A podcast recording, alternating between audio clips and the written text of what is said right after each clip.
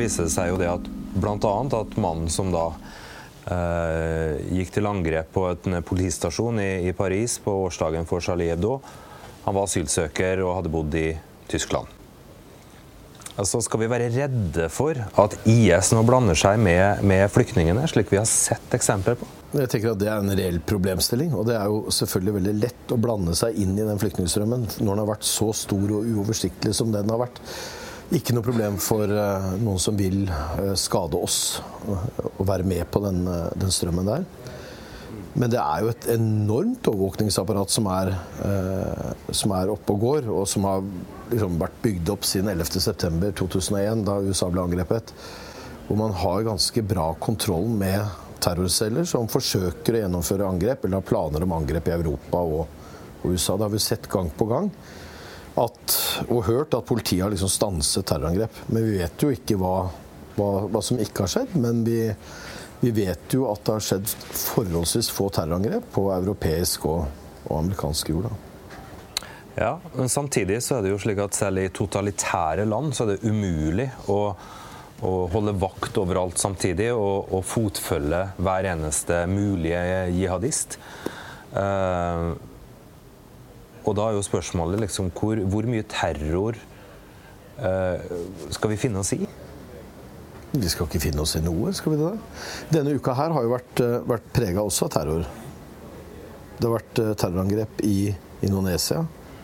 Og det var terrorangrepet i Tyrkia, og begge angrepene har islamske stat, IS, tatt på seg skylda for. Men er det virkelig IS som står bak, eller er det folk som har lyst til å få det stempelet? Ja, det er mulig at vi finner ut av det etter hvert, når, vi, altså når, politiet får etterforsket dette her og kommer med noen eh, konklusjoner. Jeg tenker at det kan godt være, sånn som vi så i etterkant av 11.9.2001, at en rekke mennesker gjennomførte angrep, de fleste av de i Midtøsten, og påberopte seg å være Al Qaida. Eller så viste det seg at de var Al Qaida-tilhengere på en eller annen måte. Det kan jo være det her også, at det er folk som gjennomfører angrep og ønsker å uttrykke uh, årsaken til at de angrep, med, med, en slags tilhørighet med IS. Og så sier IS greit, ikke sant? det var vi som sto bak. Ja.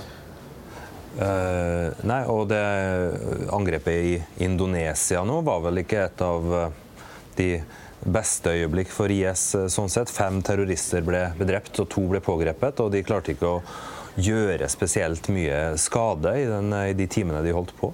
Man snakker jo ofte om uh, tropisk, tropisk jihadisme.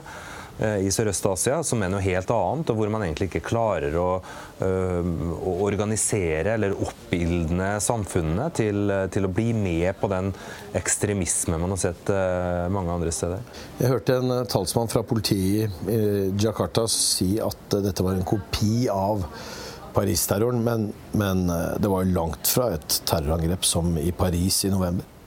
Ja, for et terrorangrep krever jo det krever trening, og det krever store ressurser.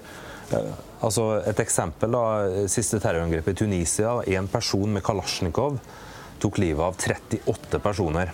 Og her nå i siste Indonesia ble to drept bare. Eh, og det var utstyrt med håndvåpen, med pistoler, og de klarte tydeligvis ikke å treffe det de sikta på. Det angrepet i Paris igjen, da, 13. 13. November, fredag 13. november eh, 2015, det var et angrep som sannsynligvis har vært planlagt over svært lang tid.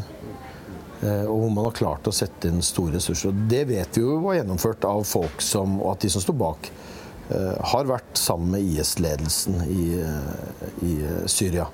Så spørs det jo da om disse andre angrepene er virkelig IS, eller om det er noen som kopierer eller støtter.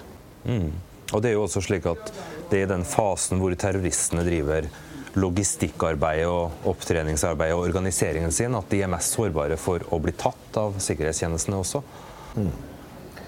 Amerikanerne har jo et utrolig avansert system med avlytting av telefoner over hele kloden. Hvor de da også fanger opp eh, eh ord som blir sagt. Eh, en sammensetning av ord som gjør at de kan begynne å etterforske personer. Eh, nå har de jo, ser det ut til at de har misbrukt eh, dette overvåkningsapparatet sitt ganske kraftig. Men eh, vi får jo anta også at når de har brukt mye energi på å bygge det opp og på vedlikeholdet, at de ser at det hjelper, at de klarer å, å forhindre terrorangrep. Ja, Det spørs jo på om Snowdens avsløringer har gjort at det faktisk er mindre effektivt enn det var. Og det er jo dumt for, for oss som eventuelt kan risikere å, ja, for, for, sikkerheten, ikke sant? Uh, på en måte. Mm. Jeg tenker at de sakene som vi uh, har presentert mye av det siste, siste, året, det handler om flyktninger, og det handler om terror.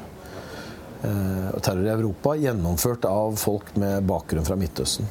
Og flyktningene kommer fra Midtøsten. Jeg tenker at det er en stor utfordring Eh, å dekke begge disse to temaene uten at eh, vi bidrar til å spre fremmedfrykt.